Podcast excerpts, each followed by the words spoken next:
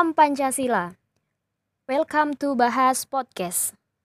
So guys, kita akan membahas apa saja yang bisa dibahas, tentunya hanya di Bahas Podcast.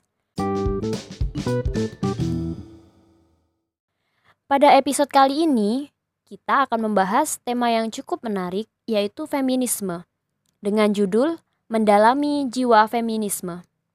Dan nantinya masih ada beberapa episode yang akan membahas tema yang sama, tentunya dengan judul yang masih berkaitan seperti yang kita bahas pada hari ini.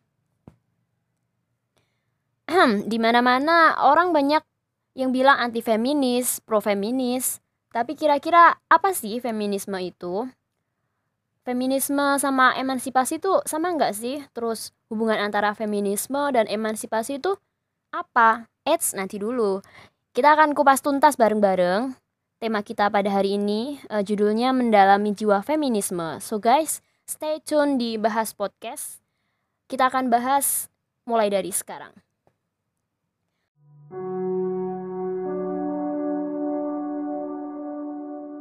Bicara soal feminisme adalah bicara tentang sebuah paradigma di mana terdapat pemahaman komprehensif yang berhubungan dengan keadilan berbasis gender. Kesadaran akan feminisme itulah yang kemudian dijadikan dasar sebagai pemikiran serta kebijakan untuk bagaimana kita berlaku di dunia ini. Nah, dari sini aja kita udah bisa mengambil benang merahnya bahwa lahirnya feminisme berasal dari adanya ketidakadilan dalam kesetaraan.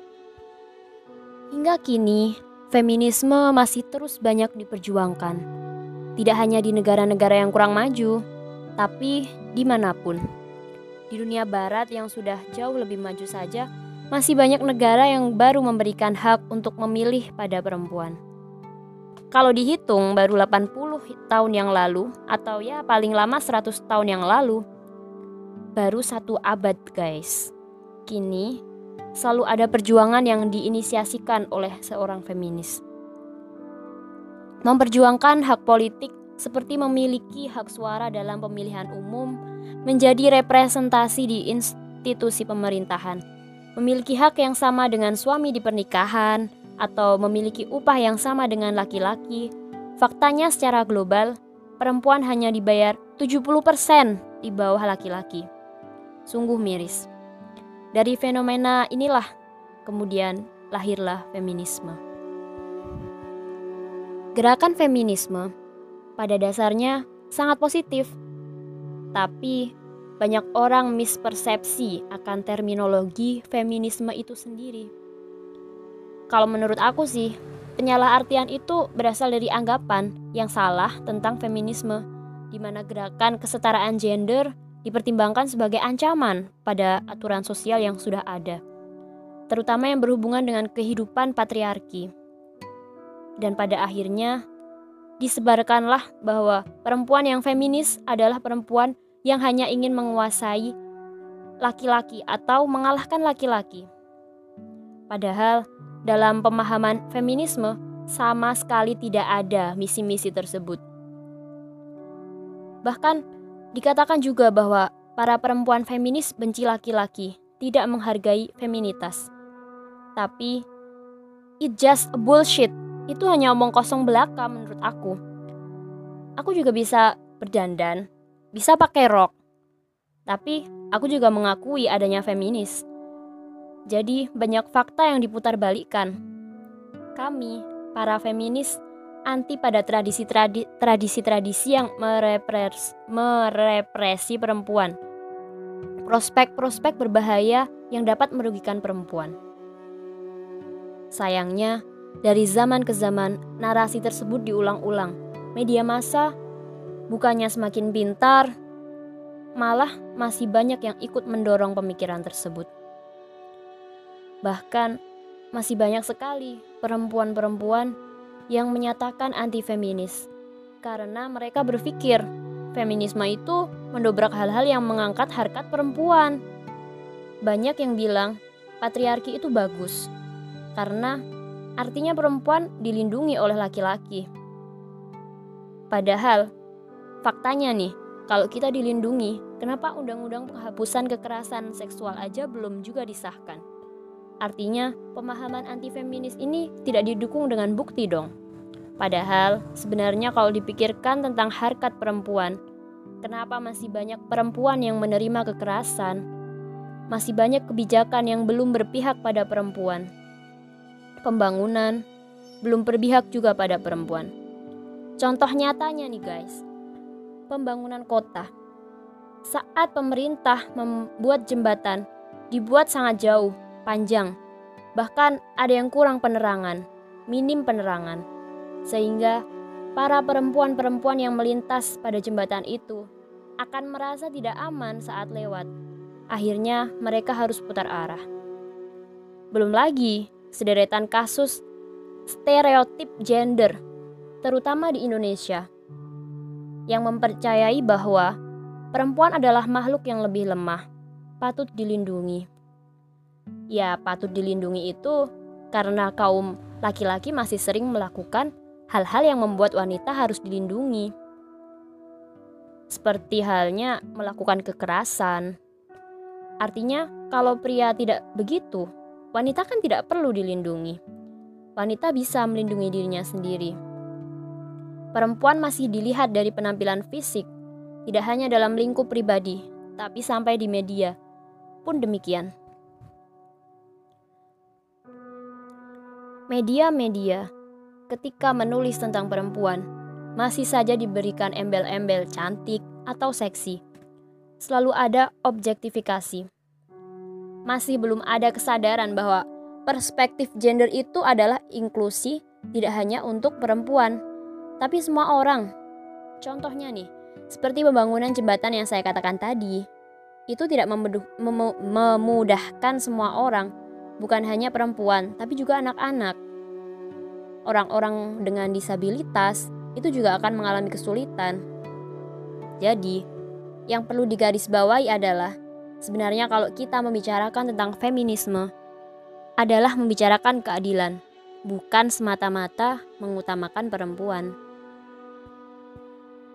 Berbeda lagi, di era milenial seperti sekarang ini, banyak perempuan-perempuan muda yang terekspos lewat media-media populer, seperti internet dan media sosial.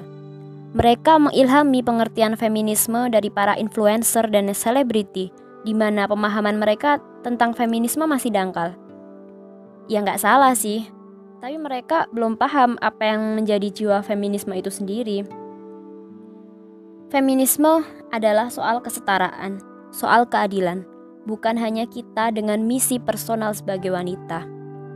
Memiliki kebebasan itu, kebebasan berekspresi, kebebasan seksual, atau apa pun itu tentang memiliki solidaritas kepada perempuan-perempuan yang bahkan belum memiliki hak-hak yang sama seperti kita. Kalau kita lihat secara umum nih, sebagian wanita yang menyatakan dirinya feminis berpikir bahwa feminisme itu adalah bentuk kebebasan pribadi. Itu adalah salah satu bagian. Emang betul, tapi sebagian kecil aja. Lebih luasnya, menjadi feminis itu adalah membantu menyuarakan kesetaraan untuk mendapatkan solusi, solusi dari permasalahan terkait dengan ketidakadilan dalam kesetaraan gender. Ya seperti yang udah aku jelasin di atas tadi seperti kasus kekerasan eh, kasus ketidakadilan terhadap perempuan dan lain-lain. Lalu kira-kira caranya gimana sih? Ya salah satunya adalah mengakui hak istimewa privilege diri kita bahwa tidak semua perempuan lahir dengan keistimewaan yang kita miliki. Semisal aku sendiri. Aku ini alhamdulillah memiliki hak istimewa sejak kecil memiliki karakter yang rebel, atau bisa memperjuangkan apa yang aku pikir itu benar. Aku bisa melakukan hal-hal yang laki-laki lakukan, ya walaupun tidak semua, hanya beberapa. Aku bisa berpendidikan dan mengejar mimpi. Mengejar apa yang sesuai passion aku dan apa yang ingin aku kejar dan aku wujudkan. Nah, hanya perempuan dengan privilege seperti ini saja yang bisa hidup demikian.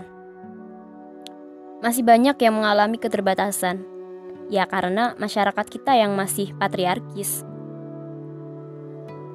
Dari pemahaman yang minim, para perempuan milenial hanya masuk ke budaya calling out, di mana mereka hanya berorasi tapi tidak melakukan sesuatu yang benar-benar berdampak pada para perempuan yang tidak diperlakukan secara adil. Ya, kita bisa melihat seperti dalam uh, event International Women Day yang sering sekali dirayakan di seluruh dunia. Ya, tentunya di Indonesia juga banyak. Di situ kalau kita lihat kebanyakan orang-orang yang berdemo, berorasi hanya menunjukkan kemarahan saja. Mereka marah, mereka berontak karena ketidakadilan yang mereka rasakan atau orang-orang di lingkungan sekitar mereka yang tidak memperoleh ketidakadilan. Padahal ya seharusnya tidak tidak hanya seperti itu. Kalau hanya berorasi tapi tidak melakukan sesuatu yang benar-benar berdampak, ya untuk apa gitu loh. Kalau kita lihat nih, barangkali ada yang mengikuti beberapa influencer atau selebgram yang mereka itu sangat-sangat mendukung dengan kegiatan-kegiatan yang bergerak di bidang feminisme. Yaitu tadi, pada perayaan International Women Day mereka turun langsung ke jalan. Bagus, seperti itu bagus.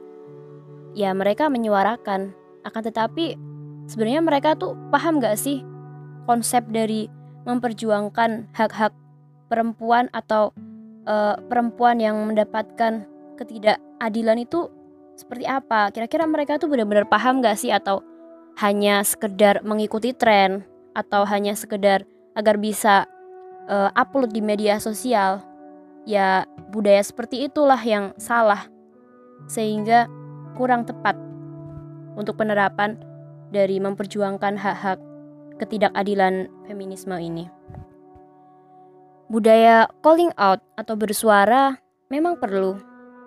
Kita perlu menyuarakan sesuatu yang salah. Tapi pada waktu yang sama, feminisme itu bukan hanya soal bersuara dengan solusi.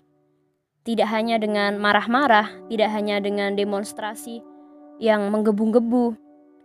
Kita masih perlu belajar dari para leluhur.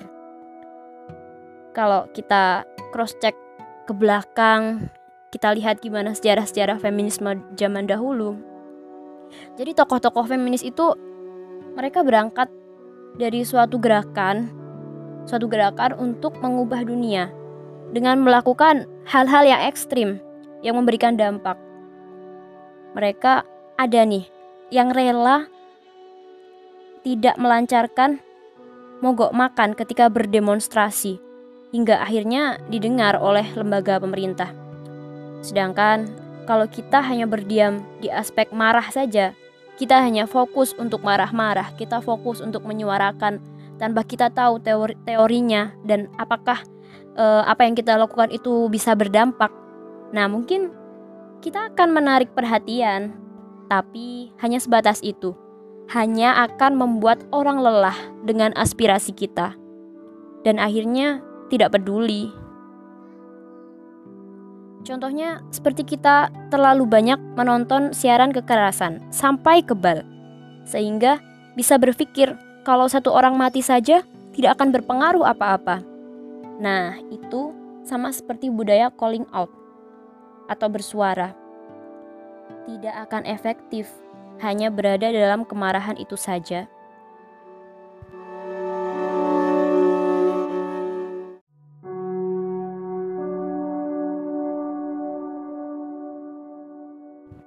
Selanjutnya nih, ada sebuah gagasan yang mengatakan bahwa feminisme adalah gerakan-gerakan yang kebarat-baratan sehingga tidak cocok dengan masyarakat Indonesia. Oh wow, kalau aku sih menurut aku ini absurd ya. Justru kenapa aku begitu yakin kalau feminisme itu cocok dengan masyarakat Indonesia? Karena kalau kita lihat sejarah Indonesia penuh dengan tokoh-tokoh hebat perempuan yang memiliki jiwa feminis. Seperti halnya R.A. Kartini, Cut Nyadin, Dewi Sartika, Christina Marta Tiahahu. Mereka itu perempuan-perempuan hebat yang mengidentifikasi ketidakadilan dan melawannya demi Indonesia yang lebih baik. Mereka tidak pernah menyebut dirinya sebagai kaum-kaum feminis, tapi value dari mereka itu sama dengan value feminisme. Mereka adalah perempuan-perempuan hebat yang pada zamannya bisa dibilang radikal, bisa dibilang melawan norma atau value sosial budaya pada zaman itu. Lalu apa bedanya dengan aktivis-aktivis Indonesia Indonesia zaman sekarang yang menganggap dirinya feminis? Ya, sama, sama-sama hebat. Tapi kembali lagi, untuk aktivis-aktivis yang sekarang atau saat ini sedang memperjuangkan keadilan dalam kesetaraan gender, memang sudah seharusnya bisa memahami konsep dari aksinya itu seperti apa. Ya, agar tidak salah gitu loh. Salah pemahaman nanti hanya digunakan untuk sekedar mengikuti tren atau sekedar postingan untuk sosial media. Ya jangan sampai seperti itu.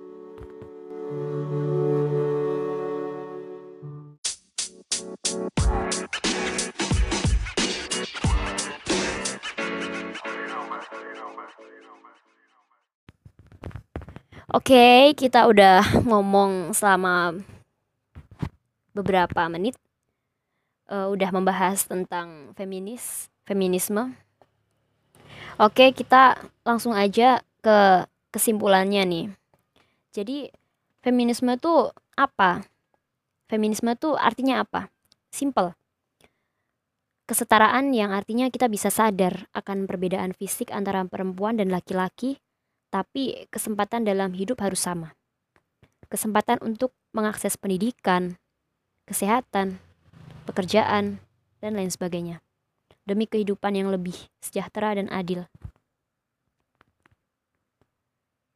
Tidak ada agenda lain selain memperbaiki kehidupan setiap masyarakat atau setiap warga perempuan di Indonesia dengan mencapai kesetaraan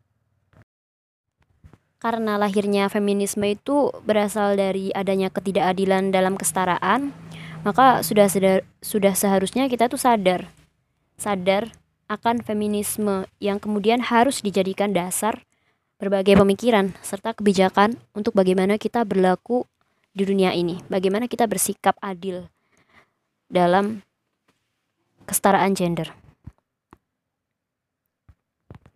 Selanjutnya, saya akan memberikan pesan pesan kepada uh, teman-teman yang sekarang sedang memperjuangkan emansipasi atau memperjuangkan kesetaraan gender. Yang pertama, perjuangkanlah feminisme, tetapi bukan untuk menindas balik laki-laki. Ya buat apa kita menuntut keadilan tapi malah menyerang balik? Perlu digarisbawahi bahwa tujuan dari gerakan feminisme itu menuntut keadilan dan kesetaraan. Karena ya tujuan dari feminisme itu setara. Jadi ya jangan sampai kita salah dalam memahami gitu. Yang kedua, teruslah berjuang dengan cara-cara yang konservatif yang tidak menimbulkan perdebatan. Oke, pembahasan episode kali ini berakhir sampai di sini. Buat kamu yang suka dengan pembahasan ini, kuis share ke teman-teman kalian dan jangan lupa untuk mengikuti Bahas Podcast di Spotify. Biar apa? Biar waktu luang kalian tetap setia ditemani bahas podcast tentunya dengan konten-konten inspiratif dan masih banyak lagi konten listenable buat kamu. See you, bye.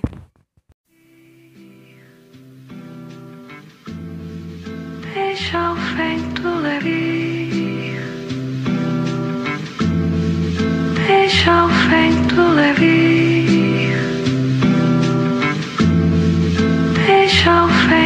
let